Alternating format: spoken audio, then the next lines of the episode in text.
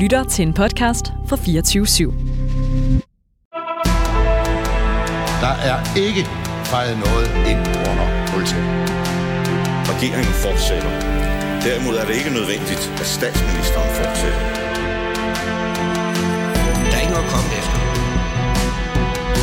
Per Helle, pas rigtig godt på dem. De er kun til lås.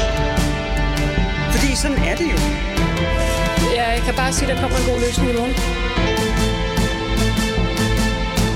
Velkommen til Ministertid Live, det vi kalder Danmarks mest eksklusive debatprogram, fordi det kræver et forhenværende minister på visitkortet for at kunne få lov til at være med. Kvinder skal til at springe soldat, Vesten sender våben til Ukraine, og Rasmus Paludan brænder Koranen nu i Sverige og sætter måske verden i brand igen. Herhjemme fortsætter PFAS-skandalen, for det skadelige stof er fundet i store mængder af økologiske æg. Og hvordan går det så egentlig generelt i dansk politik, hvor regeringen er presset af målinger, nye borgerlige skal have ny partiformand, og er der overhovedet et alternativ at stemme på, når vi skal til stemmeurene igen om fire eller færre år? Vi skal have synspunkter, erfaringer og gode råd fra forhenværende miljøminister, nuværende folketingsmedlem fra Socialdemokraterne, Ida Augen. Velkommen til dig. Mange tak. Forhenværende radikal kirkeminister, Johannes Lebæk. Velkommen til. Tak. Og forhenværende industri- og energiminister, Anne Birgitte Lundholdt fra De Konservative. Velkommen i studiet. Tak. Mit navn er Simon Emil Amitsføl Bille. Jeg er forhenværende økonomi- og indrigsminister og din vært på Ministertid Live.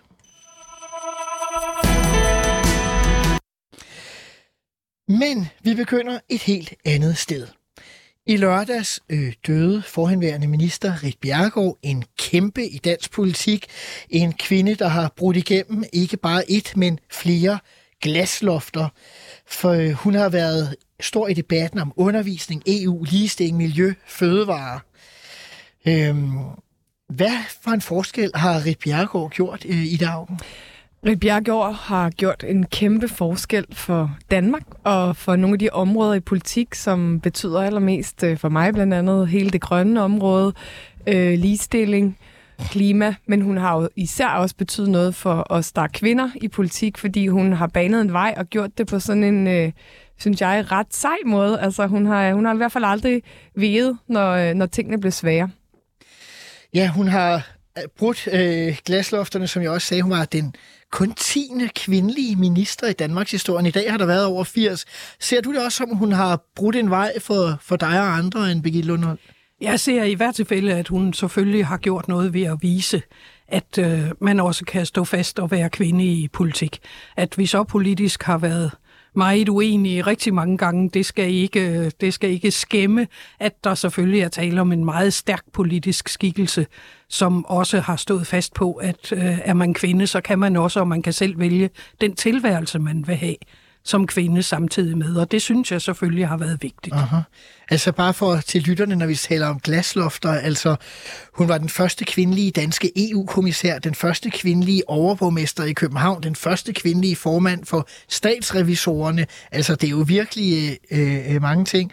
Hvad med, hvad med dig, Johannes Lebæk? Har hun også betydet noget for, for dig eller for os andre, tænker du? Nej, jeg, jeg, jeg, jeg anerkender hendes betydning som en stor dansk politiker, men, men ellers har jeg egentlig ikke så meget at tilføje til de to, to Du har jo damer. været ministerkollega med hende. Det har jeg, men, til, men til de to andre. forstå mig, der kom jeg ind i ministeriet som den næst nederste rangerende minister, og det er ikke ham, der havde flest samtaler med, med Rit Bjergård, men vi havde et udmærket forhold til hinanden, men, men det var ikke sådan, at, at jeg, jeg blev sådan havde lange samtaler med hende, så, så jeg har ikke ret meget at tilføje. Jeg anerkender selvfølgelig hendes historiske betydning.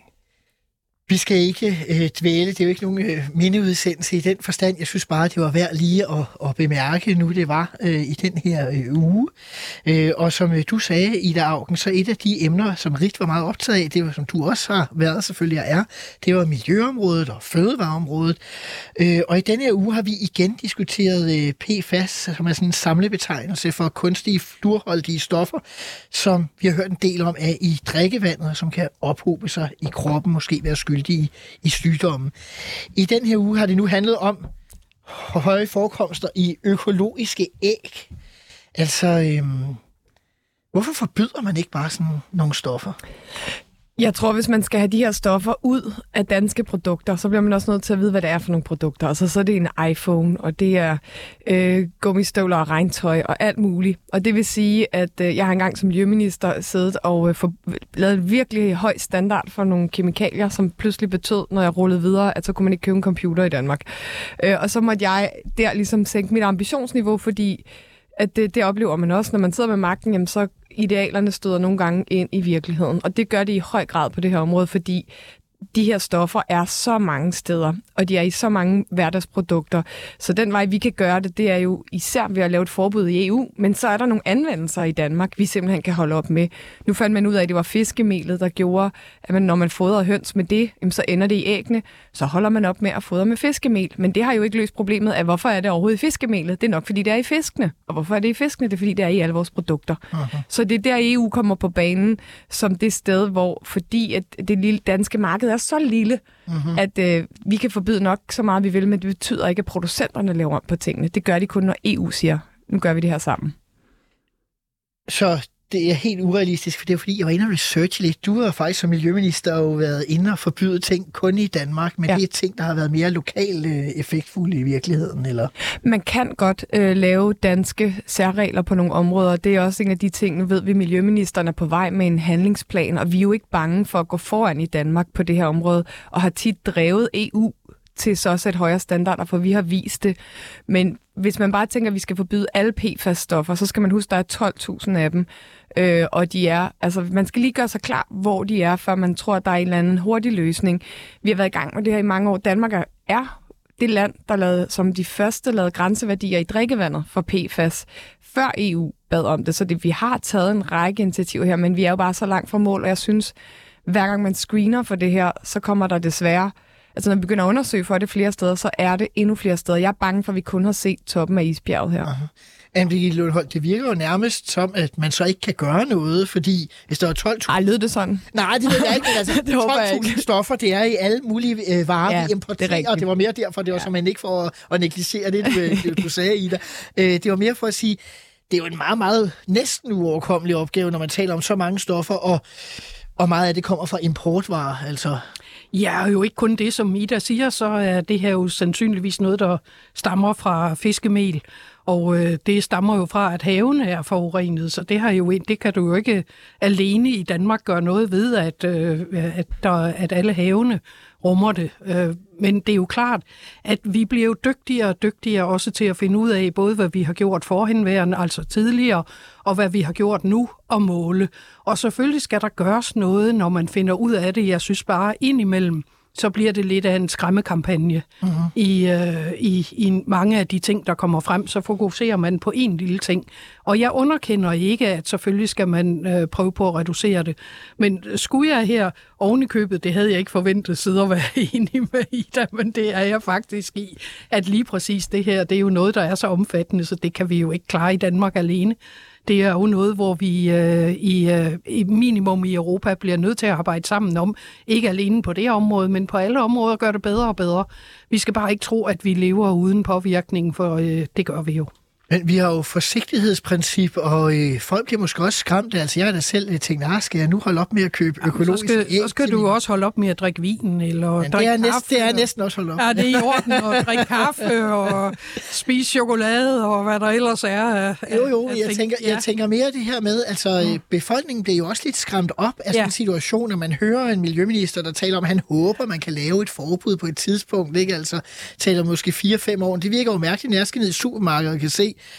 og det er rigtigt, hvad jeg siger nu, at de økologiske æg kostede en tredjedel af, hvad de kostede for en uge siden, fordi nu vil de gerne af med dem. Johannes Lebæk, altså, det er så, hvordan håndterer man sådan en situation som minister? Det, jeg synes, det, er, det må være meget svært, fordi det er, det er så uoverskueligt. Det er så lidt et paradoks, at det er, nu er jeg ved pisket af min kone og datter til at købe økologiske æg, i stedet for de lidt billigere. Nu kan jeg jo så med god samvittighed i en periode købe buræg og skrabeæg, men jeg indrømmer, at dyrevelfærdsmæssige årsager må jeg nok hellere blive ved med, med, med de økologiske. Men, øh, men det er uoverskueligt. Prøv at tænke på, at det er også køerne, der går på nogle af de arealer, at staten har, har lejet ud til, til, til, til, til landmænd, og det er der helt sikker på, at det er økologiske kvæg, der går ude ved havet og, og, og græsser. Og de kan også være inficeret med det. Jeg synes, det er meget uoverskueligt. Men for at bygge videre på det, at Birgitte sagde, så skal man jo huske, at økologi er stadigvæk på alle områder langt bedre for din sundhed. Der er brugt langt færre sprøjtemidler. Det er langt bedre for vores vand. Så jeg har, hvis jeg skulle ned og købe æg i dag, så vil jeg stadigvæk købe de økologiske æg. Jeg tror... Også, selvom jeg ved, at om 14 dage, så er de holdt op med at spise fiskemel, og så er de sikkert lidt bedre. Men for, det er jo ikke det enkelte lille bitte produkt og 14 dage, der er problemet. Det er øh, overvis i små mængder, og det er noget, der hedder cocktail-effekt, som er, at vi får fra mange forskellige kilder, får en påvirkning, som så hober sig op. Og de her særligt slemme, de her stoffer, for de hedder evighedsstoffer, de bliver der, hvor de kommer hen. Ja, de ophober sig i kroppen. Ja, og de ja. forsvinder ikke. Så, så jeg vil sige, jeg tror bare, det er vigtigt, at ligesom vi ikke skal skræmme nogen til, at nu uh, dør vi lige om lidt, at vi også lige holder øje med, uh, holder, slår et slag for økologerne. Og Danmark, apropos Rit Bjergård, var faktisk et absolut forgangsland på økologi, og håber, at alle derude, der lytter med, tager mit ord for, at øh, jeg putter stadigvæk økologi i kurven i de her dage, og så må Johannes slås lidt med konen. Jeg Ej, håber, altså, hun vinder den må, her kamp derhjemme. Nu, nu må du holde op, Ida. Du er simpelthen for heldig. Du forstår ikke jysk lune. Det var et underspillet jysk lune, jeg kom med. Selvfølgelig køber jeg økologisk, hvis jeg øh, køber økologisk. Selvfølgelig tager jeg hensyn til dyrevelfærd. Det var simpelthen bare paradokset, at det ud i medierne kommer, at det er lige økologiske æg, man nu ikke kan spise. Du forstår simpelthen ikke jysk humor. Jamen, du spiller heldig. Jeg skal kunne sige, altså, det kan være, at du ikke det, forstår københavnsk direktehed. Altså ja. det, som er vigtigt for mig at sige, det er, og det skal Jamen, det ikke over dig, Johannes. Om, kære Ida. Det skal der er ingen, der er tvivl om, du er heldig og gør det rigtigt det skal, altid. Ej, det er forkert. Det gør jeg bestemt ikke. Det, som jeg vil sige, det er, økologerne skriver jo til mig som fødevareordfører i dag og i går, at de er rigtig kede af, at folk nu tror, at økologi er farligt, og at det er problemet. Derfor bliver jeg nødt til også for, for deres skyld, når den her diskussion er oppe, og nu er det lige de økologiske æg, det er garanteret en masse andre steder, lige at slå det slag for økologien. Men, og det var egentlig ikke meningen, det skulle gå ud over Johannes. jeg er sikker på, at en god radikal, han også gør, har økologi voksen ud af begge ører. Øh, så det er nok den københavnske direktehed, der ramte ind i den øh, jyske humor, uden at men, øh, men det er jo svært ikke at blive det påvirket, når man helt. læser i avisen. Altså, jeg har to små børn på to og fire år, man, og læser om, at det er især for børn og i voksalder og så videre. Altså, så kan man jo godt blive påvirket af, når ens datter i forvejen hellere vil have de uøkologiske æg i lyserød pakke, så kan hun endelig få lov til at få dem i stedet for, at har det en dårlig effekt. Altså, det er jo svært ikke at blive påvirket som forbruger. Om det, er, det er jo også der, at vi bliver påvirket af så mange enkelte ting. Og det er jo derfor, vi også er nødt til at se det i en helhed. Og jeg er i øvrigt enig i, at det her skal jo ikke udskamme al økologi, bare fordi det er fundet. Og så kan man sige det med nationale regler. Altså, jeg kørte hjem fra mit sommerhus på Bornholm i går, og øh, med denne valutakurs, beklager danske handlende, så handlede jeg selvfølgelig i Sverige, inden jeg kørte til Danmark. Når jeg handler æg i Sverige, så står de ude på butiksgulvet ligesom de også gjorde i mit barndomshjem, fordi øh, æg, det var noget, der kom, og så blev det stillet oven på køleskabet, og så brugte man sådan en 30 stykker sparke der, indtil den var tom, og så kom der en ny. Og det er jo så en særregel, vi har i Danmark, at de skal være på køl. Det er der ikke ret mange andre steder, der skal være. Altså, der er så mange forskellige øh, holdninger til, hvad der er godt og hvad der er skidt og, øh, og man skal passe på ikke at skræmme op. Det betyder ikke, at man ikke skal gøre noget ved det. Eller må lige sige Hvis det. man ser øh, forsiden af Weekendavisen i dag, jeg ved ikke, om I har haft øh, lejlighed til det, men så har de en stor øh, artikel, der i virkeligheden handler om, at selvom de her stoffer så lærer sig i kroppen, så er det i virkeligheden øh, ikke endnu bevist, at det giver øh, sygdomme i stor grad, man ikke får alligevel. Øh, fordi der er antydning af det, men kausaliteten øh, er faktisk ikke på plads i, i mange undersøgelser. Man kan se lidt især i forhold til nyrekræft, at der er en 20% større risiko, men man skal huske på, at det er 1% for kvinder kontra 1,2% for kvinder. Procenterne er jo taknemmelige, når man er nede i de størrelser. Øh, bare sådan til overvejelse igen det der med, når man sidder som minister, altså hvis vi nu sætter os ind i Magnus Heunicke's sko, så kører det hele jo om, hvor forfærdeligt det er, hvor farligt det er. Vi diskuterer allerede her, skal vi overhovedet købe de her æg, og i næste uge bliver det så, at vi skal købe svinekød og andre ting, fordi så har svinene fået det, smågrisene får det vist også, så vidt jeg har læst mig til. Altså, hvordan håndterer man sådan en sag, når, når medierne, ja, måske for frækt at sige, går i selvsving, men det hele kører i en retning, og det kan godt være, at der er en enkelt modreaktion i, i radioen eller i weekendavisen, men i de store medier, der er der et entydigt tryk. Hvordan håndterer man det? Jamen, det ja, det først. Jamen, det, jamen det, det er utroligt svært. Jeg synes, det, det er i det, i det hele taget meget svært at komme igen med sådan, hvis nu vi tillader at sige, at Weekendavisens indlæg er savligt. Øh, og, og, og det tror dæmper, jeg, det er dæmper, dem, dæmper, dæmper nervøsiteten lidt, ja. så er det jo en, en utrolig svær situation at komme i, øh, som minister, eller som politiker, eller som ansvarlig embedsmand, og kunne sige til folk, tag det nu lidt roligt. Fordi pressen har ikke, så, har så, ikke så stor glæde af at forklare folk, at de skal tage det roligt, som de har, af at forklare folk, at nu står øh, de, de mange sygdomme og banker på Men har. I selv prøvet at være i sådan en modvind, hvor jeg tænkte, ja Ida, du sidder ved at eksplodere over, at du har været i en modvind.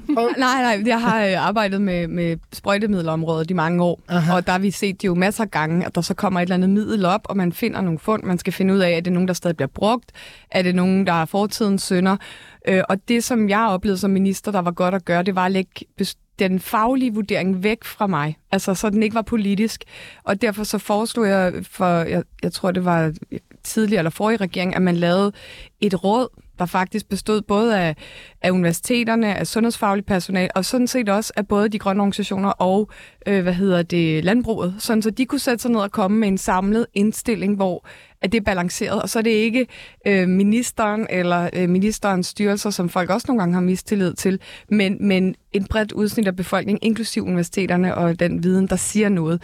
Det er det første. Det andet er at blive op i helikopteren og sige, det nytter jo ikke noget at få det bare ud et eller to eller tre steder. Det er jo til kilden, til roden af problemet. Mm. Og det er jo at få det ud af alle forbrugerprodukterne. Og hvor gør man bedst det? Jamen det gør man i sidste ende igennem de regler, vi har i EU, for hvad der må være på markedet i, i Europa. Anne-Begitte Lundholdt, sidste ord i den her runde. Og jeg vil sige, jeg er bare glad for, at det ikke er i dag, jeg er minister, fordi det var hvad det angår noget nemmere i min tid at kunne komme frem med det savlige og sige, prøv nu lige at vente. Fordi det mediebillede, vi har i dag, hvor du kræver et svar klokken 7 om morgenen, en løsning klokken halv otte, og klokken 9 kalder du en minister i samråd. Det glemmer du så de tre fjerdedele af gangene.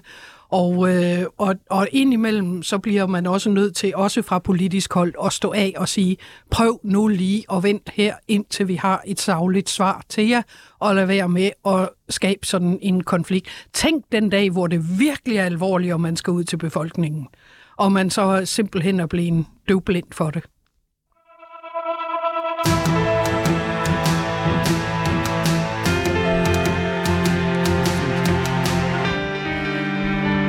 Som det er de fleste bekendt, måske på grund af bededagsdiskussionen, så skal vi snart have øh, et nyt forsvarsforlig.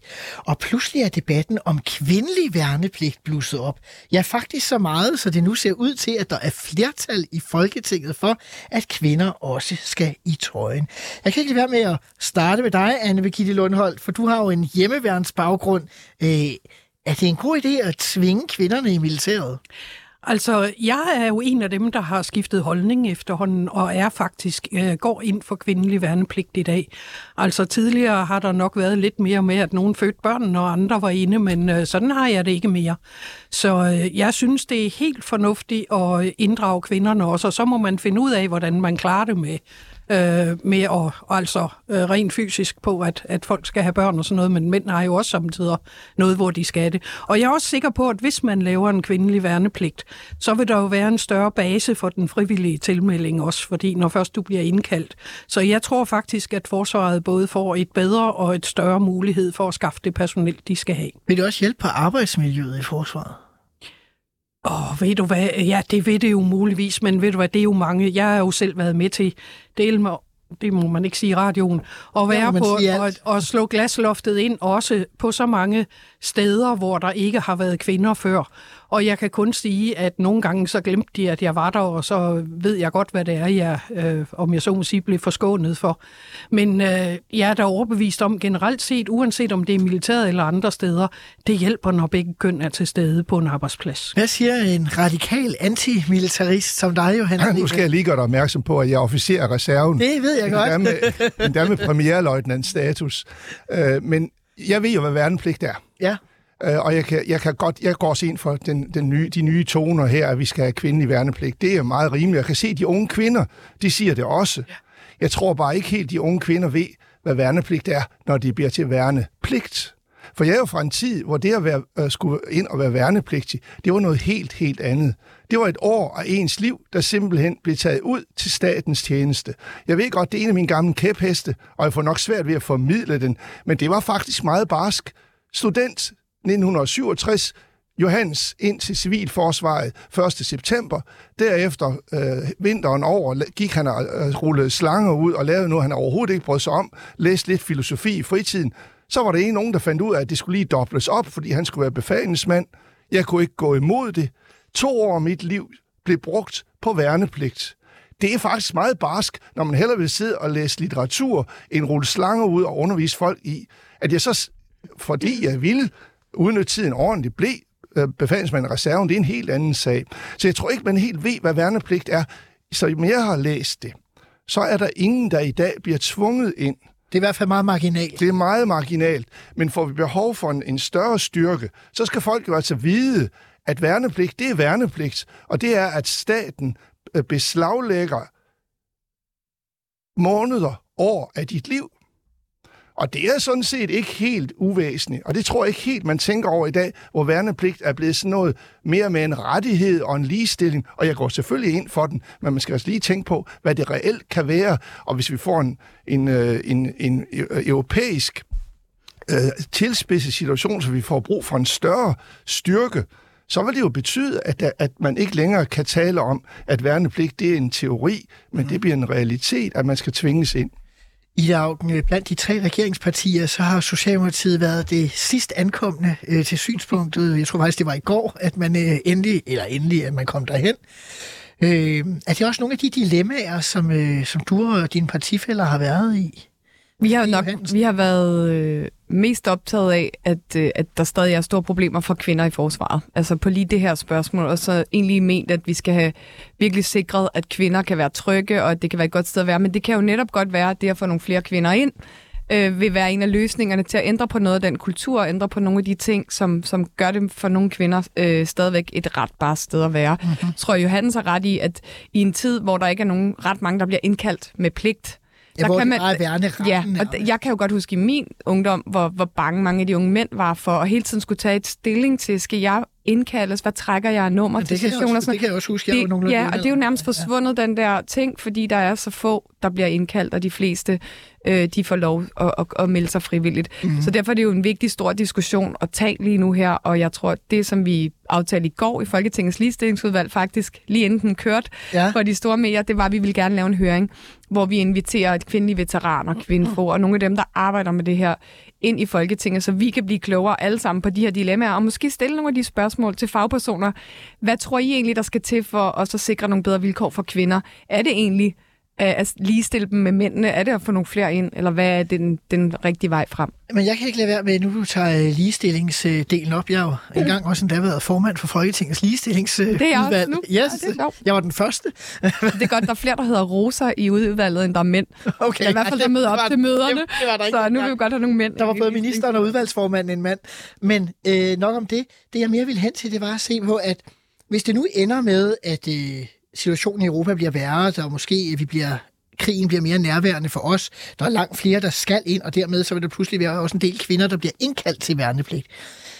Kan der så ikke være et ligestillingsproblem i, at i forvejen, så bliver kvinder jo trukket ud af arbejdsmarkedet øh, til barselsårlov nogle gange i løbet af et liv. Nu skal, trækker vi dem så ud et halvt eller et helt år øh, ekstra, og dermed så hvis du ser på pension og karrieremuligheder osv., så, så kan de i virkeligheden blive skubbet endnu mere tilbage, så det der formelt er en ligestillingsfremgang, kan så i virkeligheden blive reelt en ligestillings tilbagegang. Det er lige Ida først, det, kommer. Det er i hvert fald et vigtigt perspektiv, og jeg havde egentlig ikke tænkt over det, du siger der, så det kunne jo være en af de ting, vi bliver klogere på i en diskussion i Folketinget. Og noget af det, jeg tror, Folketinget er vigtigt til i øjeblikket, hvor der er en flertalsregering, det er jo at få taget nogle af de her øh, grundige diskussioner og sikre, at lovgivningsarbejdet øh, er tænkt hele vejen igennem.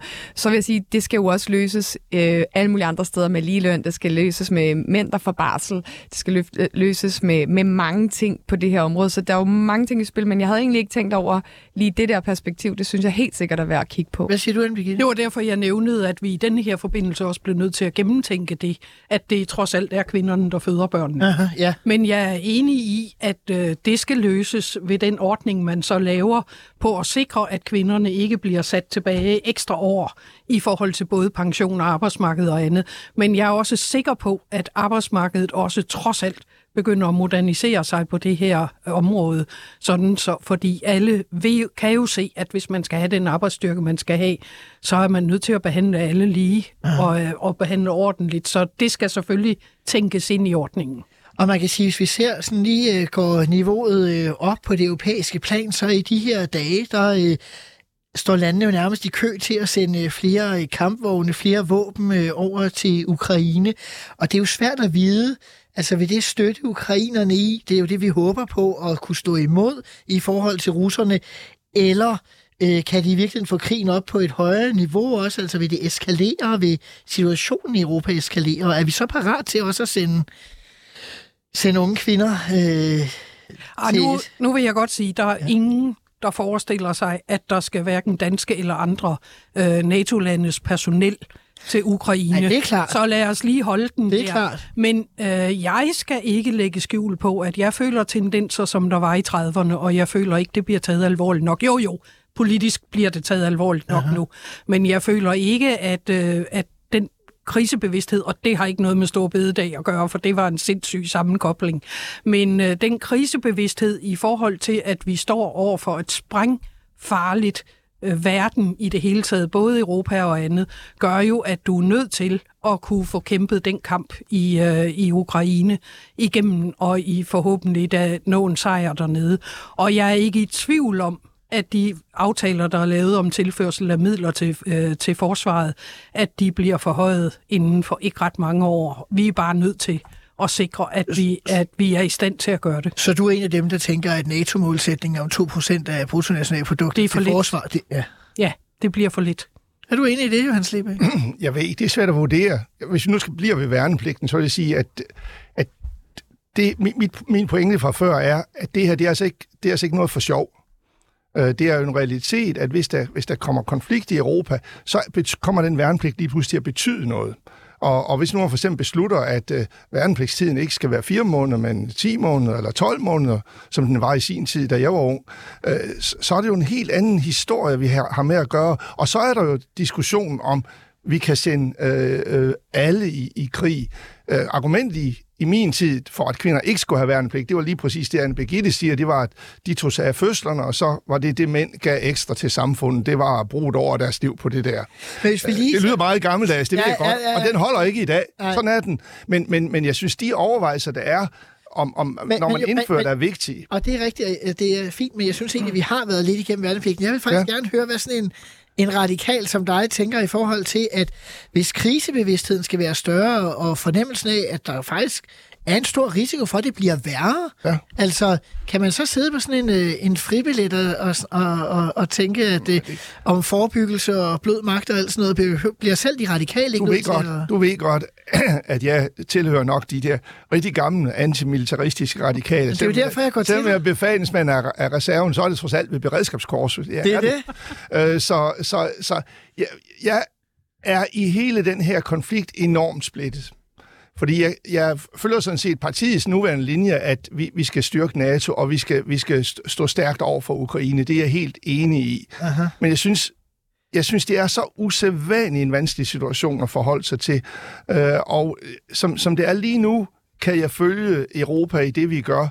Og, og jeg kan, jeg, jeg vil sige, sige jeg, jeg, jeg, sådan, jeg, så, jeg så et debatprogram i aften, hvor der var en af, af, af fredskvinderne, der, der kom til at virke ekstremt øh, naiv. Og det vil jeg nødigt selv virke, fordi vi er i en, i en enorm Men, presset men er det ikke svært ikke at virke naiv? Altså, når jeg ser Jo, det udefra, så det er svært. det virker som om, at øh, dine, og til dels mine og dine efterfølgere i det radikale venstre, at de skal trække selv hen til at fremskynde øh, 2%-målsætningen til 2030, som stadig er langt ude i fremtiden. Altså, undskyld mig, vi har Putin, han er vel vor tid Stalin eller Hitler. Altså, er det ikke helt vildt useriøst, at man sidder og har alle mulige teoretiske snakke om det? På Altså jeg vil sige, jeg, jeg, jeg teoretiserer ikke. Nej. Jeg erkender, at det er svært, det her. Og det, det, er, øh, det er... Men jeg erkender også, at det bliver svært ikke at stå op imod det Putin og Rusland har gjort lige nu. Aha. Jeg synes bare, det er så usædvanligt ulyksaligt, at han jo til synlædende ikke kun... Det er så let at se ham som sådan en enkeltstående diktator. Jeg er bange for, at han i, i en vis udstrækning er i stand til at have den russiske befolkning bag sig. Det kan Det man gør så det sige, kun værre. Ja, det gør det endnu værre. Det er jo derfor, det gør det jo netop endnu værre. Fordi at du så, du så er, kommer i en situation, hvor det bliver en konflikt mellem, mellem Vesten og Rusland, som han, øh, som han taler den op til at være. Det er så jo den gamle øh, konflikt mellem Rusland og Europa, at Rusland aldrig rigtig har vidst, om den ville være europæisk. Det var en diskussion, øh, jeg selv var til eksamen i, i Europastudier for rigtig mange år siden, at Rusland altid har ligget der og balanceret helt tilbage i, i forrige århundrede, ja. vidste Rusland ikke helt, hvor den stod i forhold til Europa. Og der har øh, Putin jo desværre truffet det forkerte valg. Jeg tror, vi må indstille os på, som Johannes så siger, at lige bag Putin, der står bare den næste og den næste. Jeg tror ikke, vi kan håbe på, at han bliver fjernet. Selvfølgelig er han ekstrem, og han er billedet, øh, og det lykkes jo, kan man sige. Øh, men kan man sige, ville Hitler bare være forsvundet, hvis ikke hele systemet bag ham var brudt sammen. Uh-huh. Øh, så, så det er jo fordi, der står et helt system over for os øh, af kleptokrater. Øh, øh, det, er blevet, det land er simpelthen også blevet overtaget af gangster, hvis du spørger mig, mafia nærmest. Men man kan sige, at du har sovjetkommunismen efter Stalin, der jeg siger ikke, at der ikke var slemme diktatorer, som ikke også øh, havde krige rundt omkring i verden, men de var jo faktisk ret opmærksomme på, at de ikke ville have en konfrontation med USA direkte. Det er jo det, der er det farlige. Ja, og det, og det er jo øh, blandt andet, fordi der nu er et styre, som ikke virker til at have den frygt. Og derfor må man også sige, at det eneste Putin formentlig har, har respekt for, det er store overarm. Øh, og, og det vil sige, det, der er ikke så meget at diskutere mere på den måde. Selvfølgelig skal vi passe på, at vi ikke træder over de der røde linjer, som man Birgitte og siger, vi kommer ikke til at sende soldater ind i Ukraine fra Danmark, så er alle røde linjer overtrådt. Men vi kan måske lære lidt af finderne som har en... Øh, fordi de har russerne lige op af deres grænse, så tror jeg, at de 900.000 i styrken, ja, ja, og de det... har 90 kampfly eller noget af den stil, og de er jo ikke mange flere end os. Så, så det, hvis man læser nogle af de her rapporter om fremtidens krigsførelse, som vi lige har fået, Silmar Jones og nogle andre, så kommer krig til at være på alle niveauer. Uh-huh. Cyberkrig, øh, luftkrig, men også på jorden. Men så det... hvis det er, at vi står i den situation, så skal vi jo også have fodfolk. Men det kræver så, at man er parat enten til at udskrive højere skatter, eller spare andre steder i velfærdssamfundet, eller andre steder. Ja, eller finde andre måder at få indtægter til statskassen. Og det er jo Jamen, en af de, det, der kan jo godt være nogen, der griner af det her store bededag, men det er jo fordi, hvis man sidder og kigger på regnstykket, så skal vi betale de her regninger til NATO. De kan godt blive større. Det er ikke utænkeligt, at NATO begynder at kræve. Det, godt være ærlig, det, det vil også være min vurdering. Ja, ja. Der kommer 125.000 flere ældre, 20.000 flere børn. Vi vil også gerne investere i psykiatri, i klima. Jeg synes, det er dem, der ikke vil være med til at finde de her ekstra penge solidarisk, hvor vi beder alle om at give noget mere, som egentlig har et forklaringsproblem øh, i øjeblikket, og ikke os andre, som øh, Men den diskussion, den derude. diskussion har jeg faktisk ikke lyst til, at vi bruger for meget tid på i dag, for den tog jeg i sidste uge. Anne jeg tager et helt kort svar og ja. siger, de penge på Stor Bededag, det er jo en diskussion, der skulle have foregået ved, at man med de fornuftige partier havde diskuteret i det hele taget arbejdskraftudbuddet. Det er peanuts, og det er vanvittigt at knytte det sammen med så vigtig en sag som forsvaret. Men, men det er jo også taget bordet tag et ordentligt, jo, lige præcis, tag et ordentligt debat om, hvordan vi skaffer, for vi er alle sammen enige om, at der skal et større arbejdsudbud til, og dermed også få et større. Og der findes andre og yderligere metoder, og de 3 milliarder rækker jo ingenting til de 27 ting, som regeringen nu vil bruge dem til. Sandheden er jo nok, at man har brug for både at tage store bededag og oppositionens forslag og noget tredje. Ja, præcis. Have... Oppositionsforslag er jo bare at bruge kassen, ja. stort set. Det, det er sådan set øh, tæt på at være enig i, og det var jeg som tidligere økonomiminister også enig med tidligere finansminister Bjarne Korydon, da han besøgte studiet for en uge siden. Johan Slebæks jeg synes, vores, i den her debat. vores største problem her, vi, vi kan godt diskutere, om, om vi skal opruste, og vi skal stå stærkt over for Putin. Men vi står jo ikke stærkt, hvis han lige pludselig galningen vælger at bruge A-våben. Hvad gør vi så? Hvor, hvor har vi... Øh, det, det er jo der, vi alle sammen går i stå, når vi har, diskuterer den her konflikt. Der er jo ingen diskussion om, at, at vi selvfølgelig skal stå stærkt over for ham. Men i det øjeblik, han træk, trækker det kort, hvad er det så, vi gør? Men Johannes Libæk, så er jeg nødt til at spørge dig, hvis vi havde haft den tilgang under den kolde krig, havde kommunisterne så ikke vundet? Jo. Jamen, den tilgang havde vi jo, der havde vi jo en, en, en terrorbalance, uh-huh. som faktisk til synlande næsten i højere grad bliver respekteret af begge parter, end de gør i dag. imod. Det, det, ja, det ved jeg godt, men, men, men, men den terrorbalance, der var dengang, øh, den, den var jo kun udsat, hvis man lavede en fejl. Her er jeg faktisk meget bekymret for, at Putin ikke vil lave en fejl men vil begå noget desperat, og så er vi på den. Hvis Putin gør noget med a så vil han første omgang formentlig lave en taktisk A-bombe, og det vil sige, at han vil gå ind og lave, det er et lille, det er næsten noget, der kan ligge i en kuffert og springe en by i luften. Og det scenarie skal vi jo i hvert fald have tænkt rigtig godt igennem, og jeg, jeg fik mulighed for at snakke med topfolk i, øh, i USA i maj-juni måned, og der vil jeg sige, der var jeg ikke 100% overbevist om, at man havde et klart scenarie for, hvad man gør. Men det er så også en diskussion, jeg ikke tror hører til i offentligheden. Det er ikke en diskussion ret mange mennesker. Det er toppen af NATO, der skal have den her diskussion. Hvad er scenariet? Og blandt andet også for ikke at skræmme livet af befolkningerne derude, men også for, at Putin ikke skal vide, hvad vi er klar til. Han skal jo være, han skal jo være overbevist om, at så kommer vi med den store hammer. Så overlader vi diskussionen om det til dem.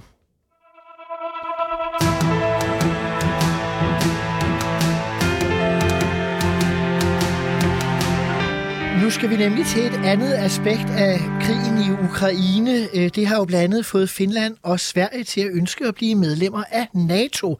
Men det har trukket lidt længe, både med den ungarske og den tyrkiske godkendelse. Orbán og Erdogan har jo benyttet det her til deres egne øh, magtspil. Især forholdet mellem Tyrkiet og Sverige har været øh, højspændt. Og nu er det, at jeg lige vil at sige, jeg vil ikke bruge udtrykket vores egen, men den tidligere danske partileder af Stram Kurs, Rasmus Paludan, der er dansk-svensk statsborger og nu huserer på den anden side af Øresund, har brændt en koran af foran den tyrkiske ambassade. Erdogan har brugt det som, måske øh, for at være færre, et fint blad til at lægge yderligere pres på svenskerne og sige, at nu kan de ikke øh, øh godkende det svenske NATO-medlemskab. Rasmus Paludan har været inspireret åbenbart, eller i hvert fald betalt af nogen fra det højorienterede Sveriges demokrater, og måske også med folk, der har kontakt til Rusland endda. Nu har han svaret, at øh, han vil tage til Danmark igen og stå foran den tyrkiske ambassade i København og en gang om ugen brænde en koran af, indtil Tyrkiet siger ja til svensk øh, NATO-medlemskab. Paludan sætter endnu en gang både Skandinavien og større dele af verden i brand og i usikkerhed måske, og i hvert fald de reaktioner, øh, der er øh, på det. Hvordan skal vi forholde os til alt det her, Anne-Begitte Lundholm? For det første, så mener jeg overhovedet ikke, at han fortjener den opmærksomhed. Han er et barnagtigt, skadelig indslag. Og det, jeg ville sådan ønske, at folk blev væk og ikke kiggede på det, og tv-fotograferne blev væk fra det. Det er så mit inderlige ønske. Men, vi Men når vi så kommer til øh, Erdogan, og hans øh, indrigs... Ja, for vi kan jo ikke blive væk, fordi Erdogan for eksempel reagerer på det. Ah, men øh, Erdogan, han reagerer jo kun af indrigspolitiske årsager. På grund af præsident og parlament ja, i Tyrkiet. Og, øh, og jeg synes i det hele taget, at Erdogan, han udsætter NATO, og det er jo ikke kun i den her sag, men han udsætter det alt for tit for pression. Han er et stort NATO-medlem, men hvis man kigger på, hvad han også har lavet i forhold til kontakter uden for NATO og, og hvad der ellers er sket, øh, så, så, så har jeg ingen sympati for det. Jeg er den opfattelse, at øh, alle lande, og nu er der også ved at, at komme, må simpelthen sætte hårdt mod hårdt, og så få, øh, få Sverige og Finland ind hurtigt. Men hvad betyder hårdt mod hårdt? Ja, det betyder, at øh, man må også få, kunne forklare Tyrkiet, at øh, det her, det jo drejer sig om NATO's samlede fremtid, og hvis Tyrkiet også, og det formoder jeg, stadigvæk synes, at NATO skal have en styrke, så bliver Tyrkiet også nødt til at lade være med at chakre rundt med den slags øh, synspunkter. Og jeg er enig, jeg er enig med dig i, at øh, altså Paludan luk for pressen på ham, så det forsvinder, altså, det forsvinder selvfølgelig ikke. Men hvis ikke det bliver vist i tv, øh, så forsvinder han jo.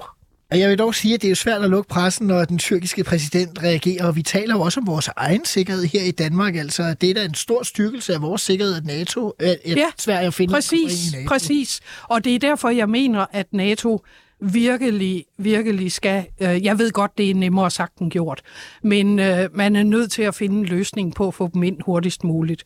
Og jeg er i øvrigt enig i de synspunkter, der var omkring Finland. De er et eksempel til efterfølgelse. Men hvad kan man gøre i dag?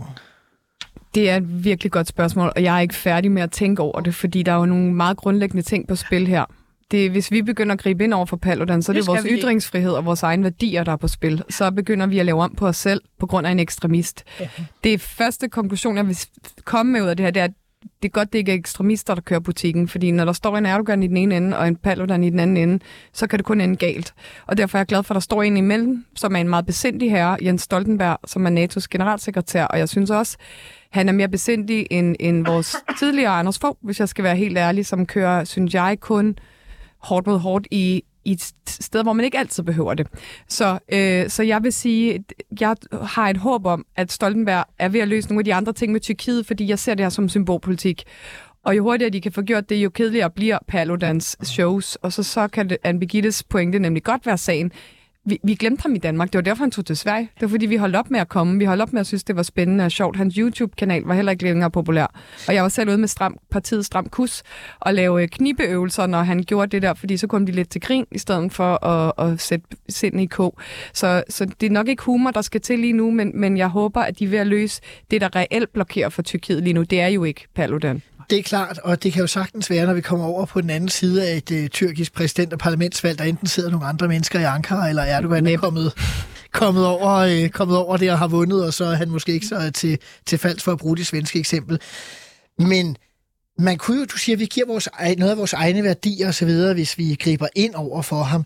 Man kunne måske også sige, og det siger jeg også som minister i den regering, der afskaffede blasfemiparagrafen, Socialdemokratiet var som det eneste parti imod at gøre det i Folketinget dengang, måske er politik også bare mere alvorlig i dag, end det var på det tidspunkt. Mm. Og måske øh, øh, kunne man måske i virkeligheden sige, at der er faktisk ikke plads til at, at lege med Paludan og, og, og være helt oppe på, på, på de allermest principielle navler, hvis det har betydning for, for sikkerhed. Så du vil have blasfemiparagrafen tilbage? Jeg siger ikke, hvad jeg vil. Jeg Fordi jeg, jeg, jeg vil sige, som jeg, jeg husker diskussionen dengang, så var det egentlig en bekymring at, at man så mistede et værktøj i forhold til nogle af de her ting. Fordi selvfølgelig er ytringsfriheden en af vores fineste værdier. Og så det var skal klart, den det er derfor, jeg spørger dig. Ja, øh, det vil jeg helt ærligt lade være at udtale mig om lige nu, fordi jeg tror ikke, at der er nogen hos os, der lige har planer om at gennemføre blasfemiparagrafen. Men det var måske et meget godt tegn på, at den havde en anden funktion. Den kunne også have en funktion i forhold til ro og orden, lov. Altså, og, og det, det, det, har jeg ikke tænkt til ende, det her. Det er også derfor, men, du ikke får det men, godt Men der kan man jo i hvert fald godt undre sig. Jeg tænker, der var, jeg så der en på nettet, der skrev, hvis uh, Paludan stillede 10 af sine egne biler op foran den tyrkiske ambassade og satte ild til dem for at protestere, så ville alle jo tænke, at politiet skulle gribe ind. Hmm. Altså, må man, må man overhovedet sætte ild til ting på offentlige steder, som del af protesten, Birgitte Lundholdt? Altså, jeg vil sige, at, øh, at jeg er enig, man skal ikke genindføre blasfemi, blasfemiparagraf. Blasfemi, ja. Det vil jo, det vil jo bare betyde, at, at, øh, at dem, der gør som Paludan nu, vi får endnu mere reklame, fordi vi skulle i retten og alt muligt med dem. Altså, set fra mit synspunkt, øh, jeg synes, det er tåbeligt, det han gør, men så lad ham dog gøre det, uden vi netop, øh, hvor vi ignorerer det, indtil han holder op med det. Hvad siger den tidligere kirkeminister, Johannes Liebe? Jeg, jeg vil ikke forholde mig til det med blasfemiparagrafen som sådan. Man må sige, men det, det er jo lidt, det er jo lidt, var jo meget i tvivl om det. Er jo, det er jo lidt, jamen det, det, man kan være meget i tvivl, hvad skal vi gøre ved ham?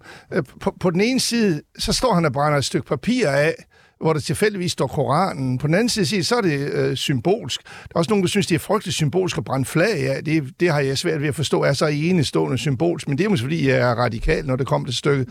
Altså på en eller anden måde, så, så, så, så, så er, er det også et, må man også gøre et eller andet forsøg på at, at, at, at nedtale ham, og, og Erdogan, han, det er jo ikke kun i, i det tilfælde, han har været ude. Nu har han fået en, en ekstra god undskyldning, der er spektakulær. Uh-huh. Det er jo et forsøg på hele hans forhold til PKK, der, der er det afgørende, som jeg kan se det fra Erdogans synspunkt. Og der har han i et eller andet omfang jo nogle argumenter, som er meget vanskelige at forholde sig til en Paludan. Paludan, det er jo rent til grin, også for, det må Erdogan også kunne indse. Så, så tosset er han trods alt ikke i hovedet. At det kan ikke være Rasmus Paludan forhindrer øh, Finland og Sverige i at blive optaget i NATO.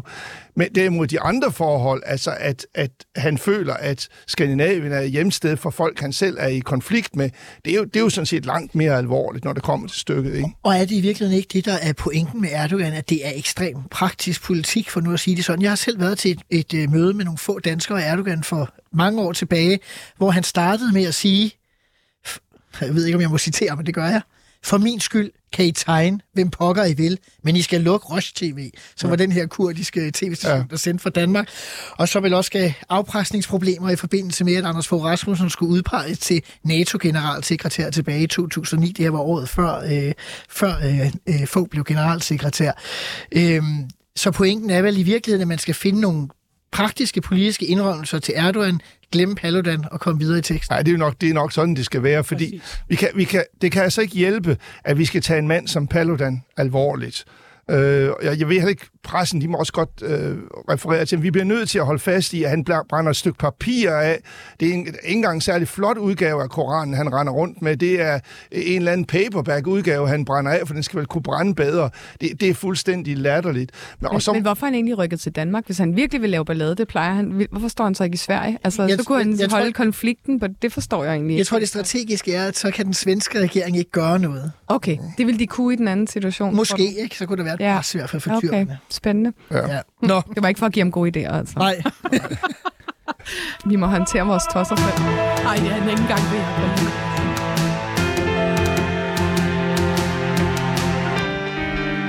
Vi skal til den øh, sidste runde i dag. Det er kun seks uger siden, at vi fik en ny midterregering af Socialdemokraterne, Venstre og Moderaterne. Nu skulle de voksne til at sidde ved bordet og ordne alle problemerne uden de irriterende fløje. Der har været et uskyndt forløb omkring krydset med Stor Bededag og øh, forsvarsforliget. Øh, det skal vi ikke bruge meget tid på i dag. Det har jeg brugt to udsendelser før øh, på. Men i går kommer der så en meningsmåling fra TV2 og Politikken for det analyseinstitut, der hedder Megafon. Og der står regeringen til massiv tilbagegang. 21 mandater. Øh, Venstre, de er så ikke repræsenteret i dag, står til 8,8. Historisk dårlig valgsdag for det store gamle øh, bunde øh, og liberale parti. Øh, der er to årsager, vælgerne øh, siger, der er skylden til, at de øh, siver fra regeringspartierne. Det er stor bededag, men også det, at S og V går i seng med fjenden.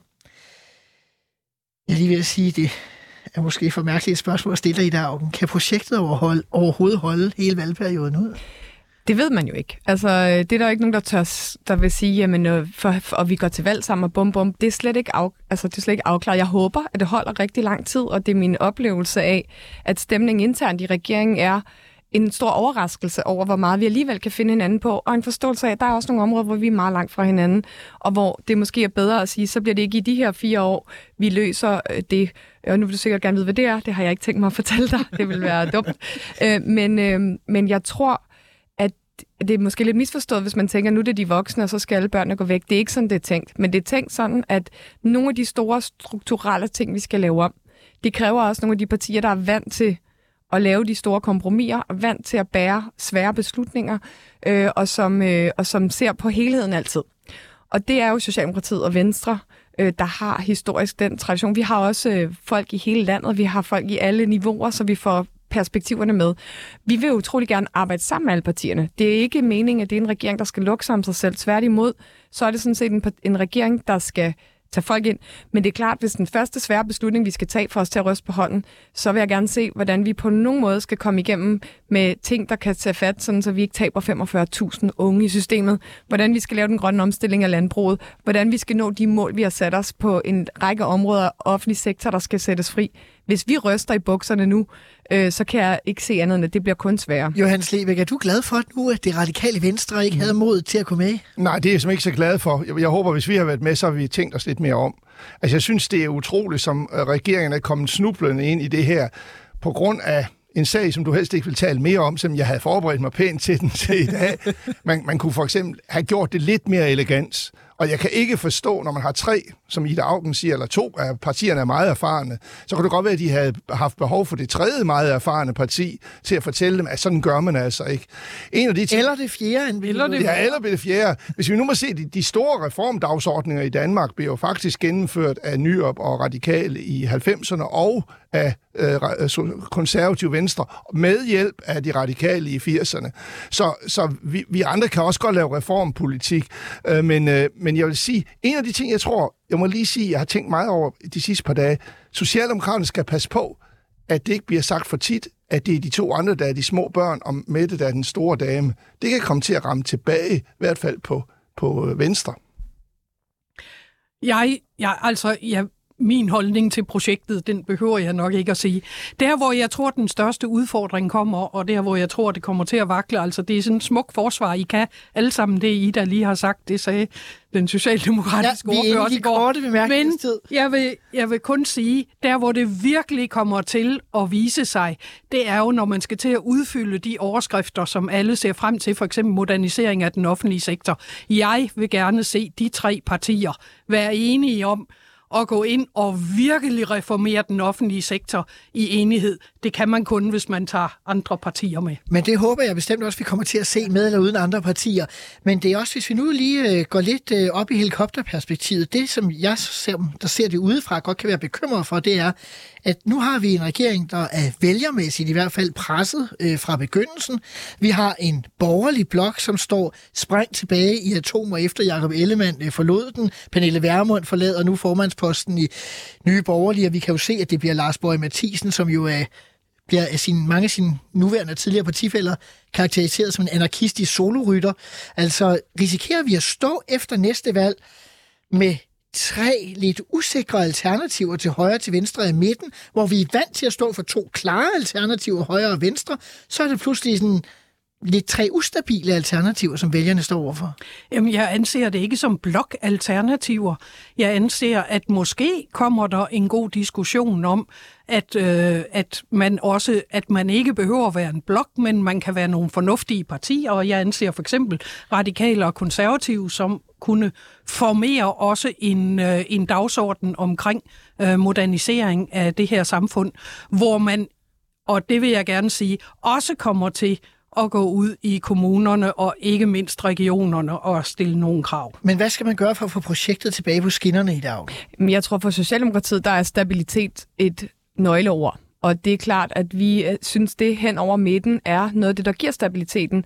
Noget af usikkerheden er jo også, at man ikke har kunne rykke os på den måde, man har kunne, øh, når man har en mindretalsregering. Så det er jo også måske at vise sit værd. Nu kommer vi igennem noget turbulens, men vi begynder, min erfaring er også tit, at når der er gået lidt tid, så kan folk godt forstå det, og når kampen er ved at være slut, og nogen har vundet, og nogen har tabt, så finder vi hinanden igen. Og vi har den interesse i at inddrage begge sider og prøve at finde nogle af de her, hvor vi har egentlig skabt stabilitet ved at men, lytte men I kan jo godt have på begge sider. Hvis man ser historisk på det, i 70'erne brød SV-regeringen sammen efter et år. I begyndelsen af 90'erne, da man tog se det her kristelige over på den anden side, der kostede det Kristi Folkeparti livet og regeringen flertallet. Altså, er en bred midterregering i virkeligheden bare en en fix idé, som vi, øh, undskyld, jeg siger vi, men i den politiske elite kan sidde og teoretisere om, men vælgerne, de vil i virkeligheden hellere have nogle klare alternativer for hinanden. Mm, det tror jeg ikke, og nu vi har virkelig få erfaringer med flertalsregeringer i nyere tid. Og jeg mener, det, det, det var derfor, jeg nævnte det opbrud, nogen, der ja, mindede om. Men, men det er jo, altså flere af dem, der bryder hurtigt ned, er jo faktisk ikke flertalsregeringer. Det er firkløver der. Men, øh, eller nej, firkløver? Nej, hvad hedder den? Det var en øh, flertalsregering. Ja, det var. Den var nemlig. Det var det, jeg peger på. Ja, ja. Det var sidst, vi havde det. Ikke? Øhm, så, så jeg synes, man skal give projektet den chance, og jeg tror, noget jeg oplever anderledes, det er, at når man har støttepartier uden for regeringen, så bliver de bestormet og bombarderet med det tryk, mere end regeringspartierne. Nu står vi som regeringspartier og tager det. Øh, og det vil sige, at vi kan holde sammen, vi kan snakke sammen, vi behøver ikke at ryste i bukserne, for vi sidder øh, bag den beslutning. Og det, det er noget af det, jeg tror, der giver stabiliteten, at vi jo kigger på hinanden, og ja. alle sammen har investeret. Johan Slebæk, kommer jeg til at, at diskutere med mine gæster uge efter uge efter uge, hvilke problemer der er i SMV-regeringen? Ja, øh, det, eller tror du, de får det? Nej, jeg tror, jeg tror, du kommer til at diskutere det. Det gør du også, fordi at, uh, der er en meget uklar opposition. Uh, den såkaldte gamle blå blok er på en eller anden måde sprængt i tusind stykker. Og det er jo derfor, det der, når du taler om, at der er to alternativer, de, er jo ikke, de må komme op af togerne. Indtil videre så har vi øh, en, en midterregering, som forhåbentlig kan få lidt hjælp af os til at gennemføre nogle gode reformer. Det må vi håbe. Vi skulle, vi skulle egentlig håbe lidt mere på Danmarks fremtid, end, øh, end, end på, at øh, der kommer et godt valg om fire år for, for vores respektive partier. Så lad os håbe det. Det bliver det sidste ord i debatten i dag. Tak til tidligere Miljøminister Ida Augen, tidligere kirkeminister Johannes Lebæk, tidligere Industri- og Energiminister Anne Begitte Lundholdt. Tak for i dag.